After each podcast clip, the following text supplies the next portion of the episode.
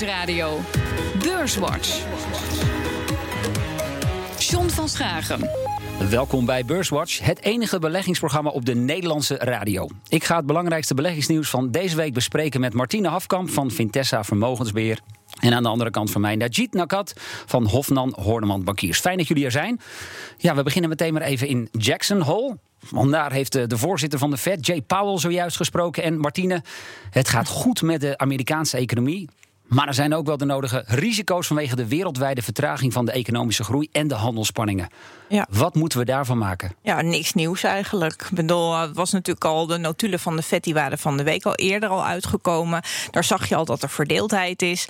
Um, ja, er wordt toch voorgesorteerd natuurlijk eigenlijk door de markt eh, op een, op een renteverlaging in september. Dus Paul zou wel heel veel konijnen uit de goed hebben moeten toveren. Wilde die dat uh, nog kunnen overtreffen qua positieve verwachtingen. Je zag het eigenlijk de vorige keer bij de e-, eerste renteverlaging die die heeft doorgevoerd. Dat de markt eigenlijk ook niet zo heel positief op reageerde. Of nog meer op de toelichting.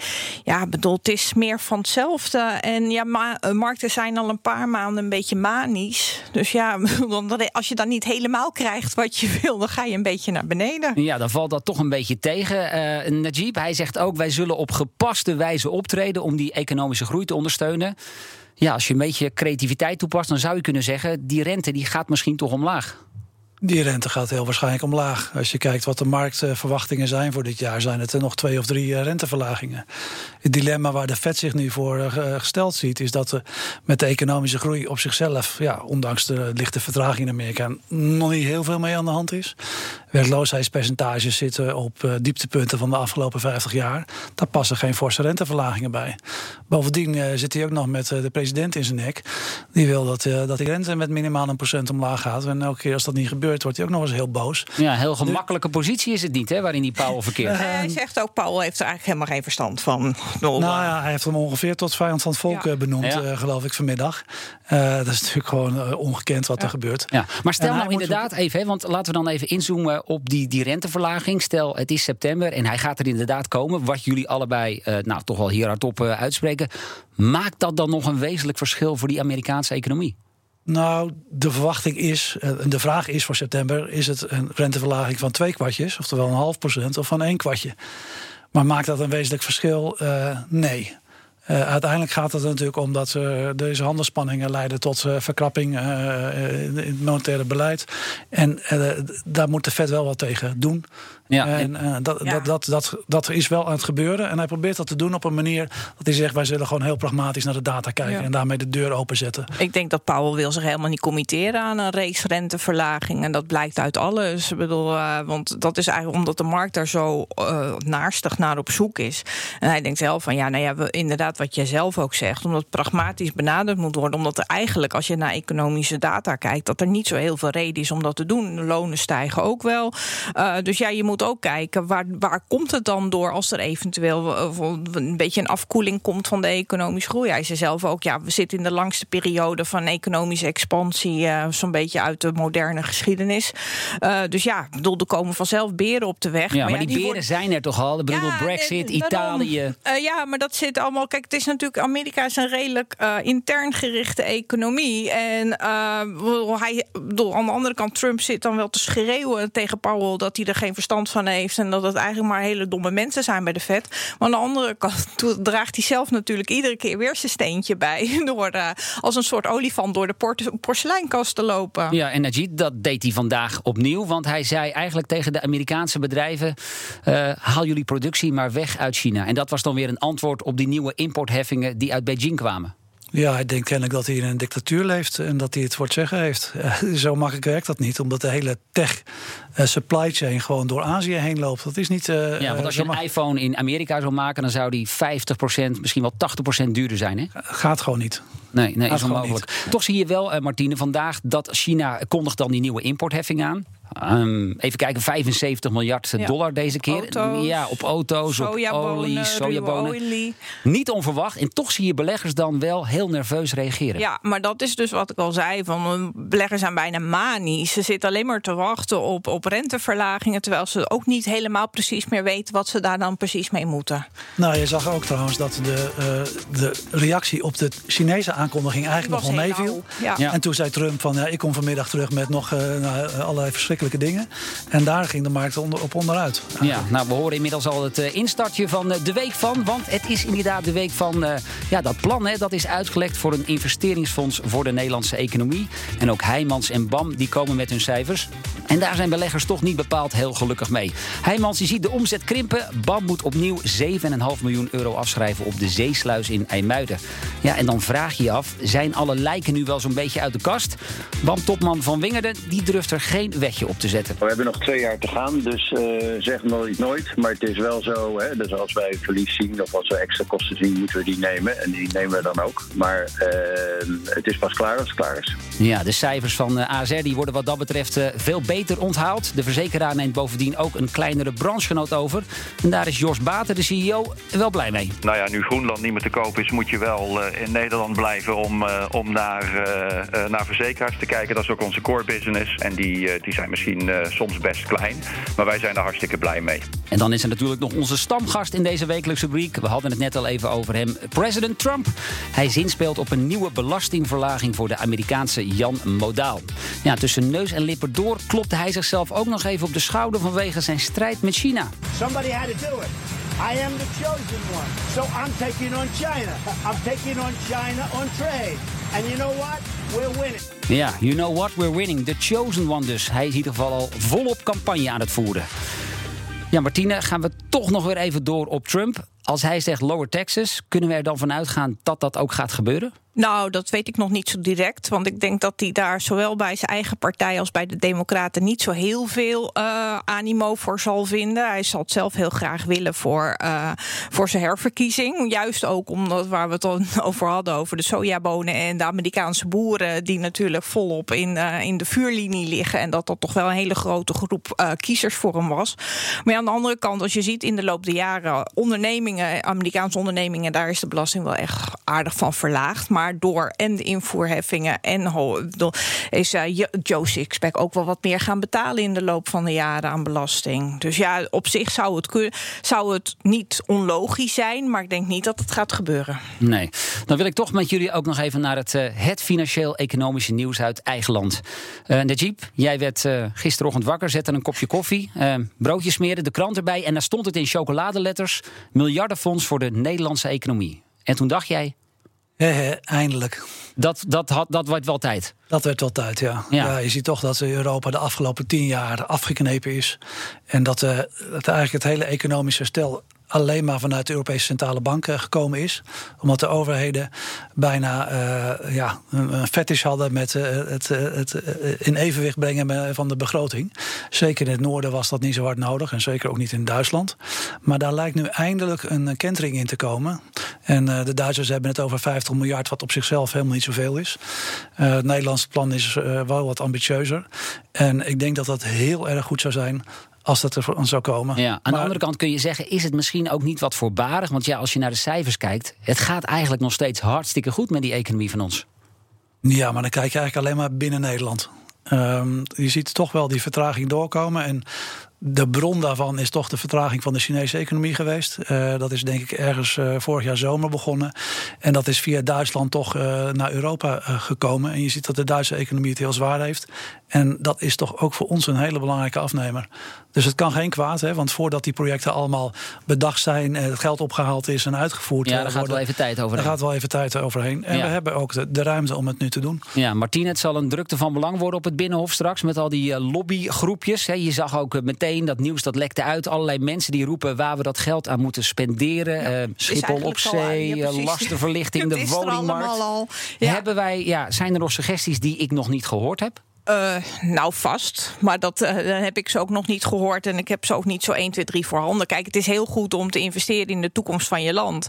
Uh, dus in die zin is het heel goed als het gewoon een, een, zeg maar een pot met geld wordt. waar echt lange termijn projecten uit gefinancierd zullen worden. In plaats van altijd het kort op de bal zitten. Ja. om de volgende verkiezingen te winnen. Ja, en daarom is het ook goed, zeg jij, dat het niet wordt opgenomen in de reguliere rijksbegroting. Ja, ja, ja precies. Want anders wordt het natuurlijk vaste lasten. Kijk, als je gewoon salarisgaatverhoging of AOW premieverhogingen uitstellen of weet ik veel wat, ja, dan zit je in een heel andere, zit je in een hele andere league te werken. Dus in die zin vind ik het ook heel goed. Uh, het is echt een Keynesiaanse gedachte natuurlijk, dat je gewoon begint de overheid gaat spanderen en dan trekt je het bedrijfsleven wel vanzelf mee. En het is inderdaad, uh, dus diverse centrale banken roepen natuurlijk al jaren dat overheden iets moeten doen. Maar ja, aan de andere kant vanuit Brussel moest iedereen zijn begroting op orde hebben. Wij hebben er heel veel ruimte voor. Dus, en je kan, nou ja, bedoel, het is natuurlijk de kapitaalmarktrente is dusdanig dat het ook wel heel erg aantrekkelijk wordt om dat soort dingen ja. te doen. Ja, zeker nu doen dus. Um, Najib, als beleggers nou, uh, laten we zeggen, met zo'n lobbygroepje naar Den Haag zouden gaan. Um, ja, waar worden beleggers blij van? Met welke ideeën zouden ze komen? Oh, dat is wel een hele open vraag. Um, ja, uiteindelijk denk ik, het, het gaat natuurlijk om economische verster of versterking van je, van, je, van je economie. Dus dat is dus onderwijs, infrastructuur?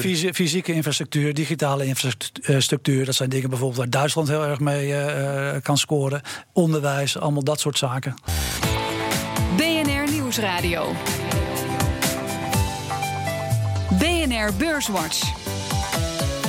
Van een investeringsfonds tot mogelijke belastingverlagingen en cijfers uit de bouw. Voor beleggers gebeurde er weer alles van alles van deze week. En dat nieuws bespreek ik met Najid Nakat, hij is van Hof Horneman Bankiers, en Martine Hafkamp van Vintessa Vermogensbeheer. Maar eerst maken we natuurlijk zoals altijd de balans op van deze week. De AIX is geëindigd op iets meer dan 542 punten. En dat is nagenoeg dezelfde slotstand als een week geleden. Stijgers. Ja, de grootste stijgers in de AIX de afgelopen week. Het is een beetje als Ajax en PSV. Twee aandelen scoren beduidend beter dan de rest. ArcelorMittal 3,7% hoger. Gevolgd door DSM, dat aandeel pluste 2,7%. Ja, en op de midcap was het alle ballen op TomTom. Tom. Dat aandeel steeg met 6,9%. Dalers. Dalers. En dan de drie grootste dalers in de AIX deze week. ABN AMRO, min 5%. Galapagos, min 3,8%. En Egon en de NN Group, zij bij verliezen beide 3,2%. Ja, en de AIX die schommelde een beetje van groen naar rood deze week. Op drie van de vijf handelsdagen viel het slot lager uit. Ja, Najib, we zagen op de midcap, daar moest BAM 5,7% inleveren. Uh, opnieuw extra verliezen met die zeesluis bij IJmuiden. Dat is toch al een hoofdpijndossier. En ook een serie internationale projecten. Een extra kostenpost van 94 miljoen. Ja, terecht dat ze worden afgestraft op de beurs. Ja, dat snap ik wel. Um, bouwers hebben het natuurlijk de afgelopen tien jaar heel zwaar gehad. Um, en het is de vraag hoeveel nog aan problemen in, in de portefeuille zitten. Natuurlijk, de afgelopen jaren hebben ze moeite gehad om de bezettingen uh, op peil te houden. En hebben ze achteraf gezien in ieder geval te agressief geboden op allerlei projecten.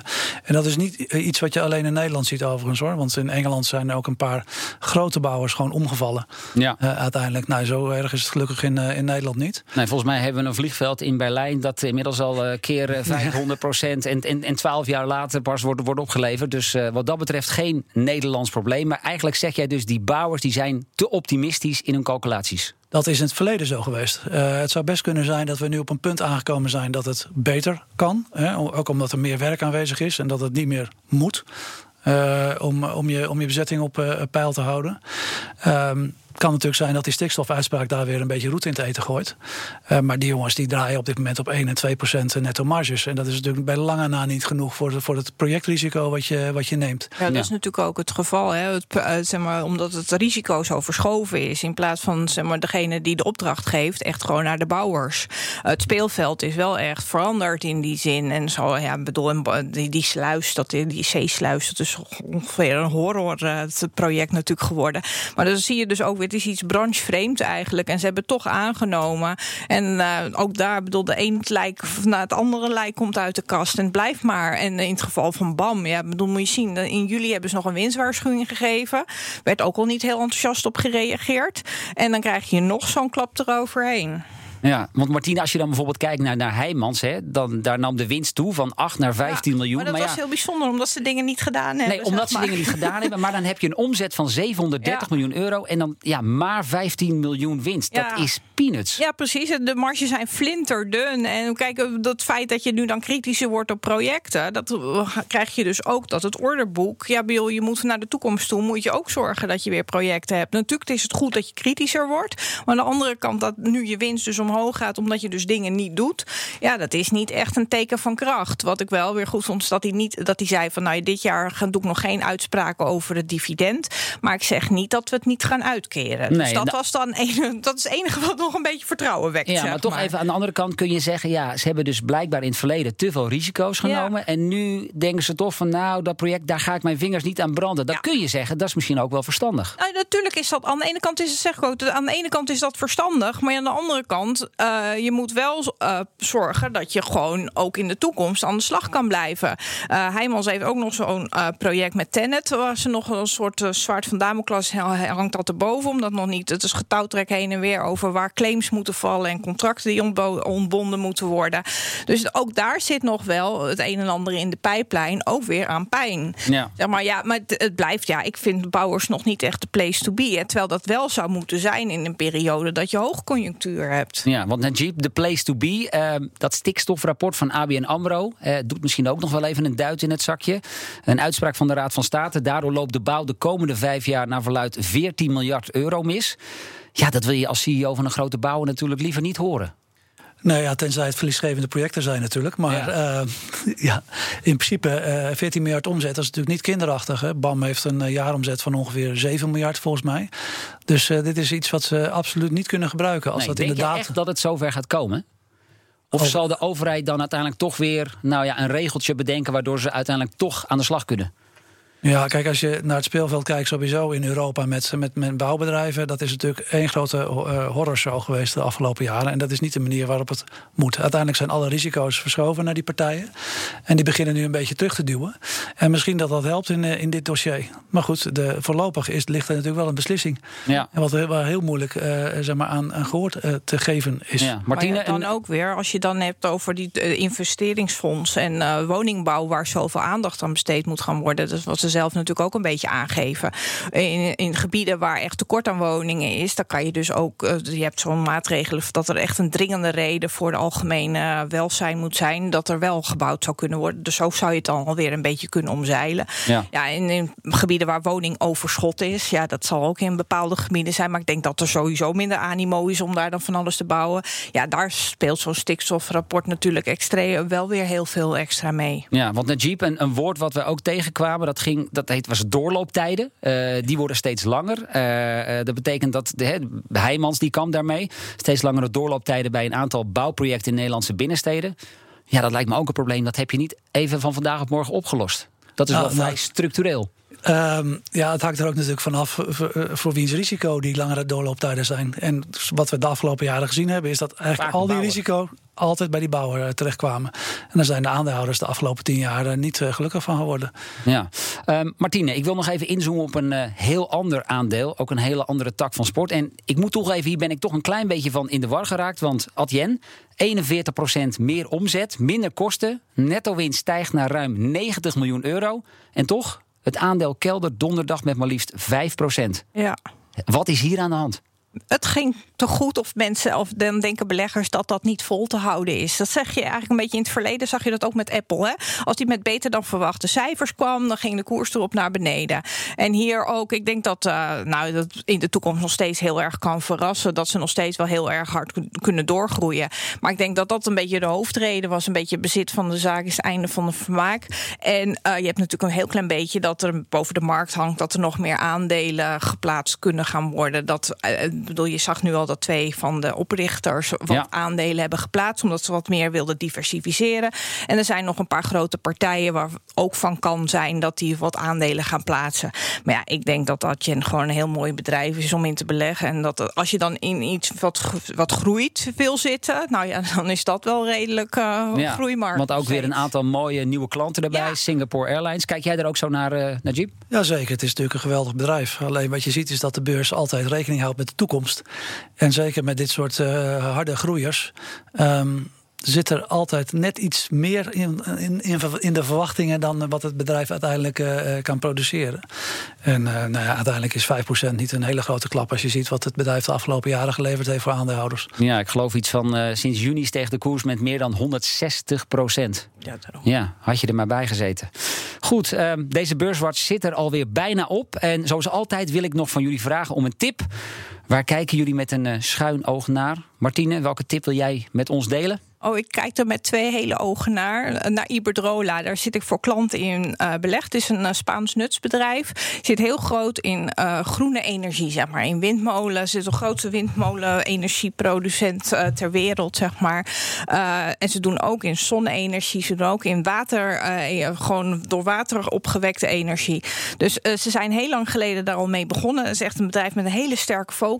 En in het kader van alle ESG en groen en duurzaam beleggingen en al het geld wat daarheen gaat, uh, zit ik daar nog steeds heel veilig en uh, gezellig in belegd. Ja, noem nog één keer even de naam. Iberdrola, Spaans. Iberdrola, Spaans. Wij hebben dat genoteerd. Najib, jouw tip.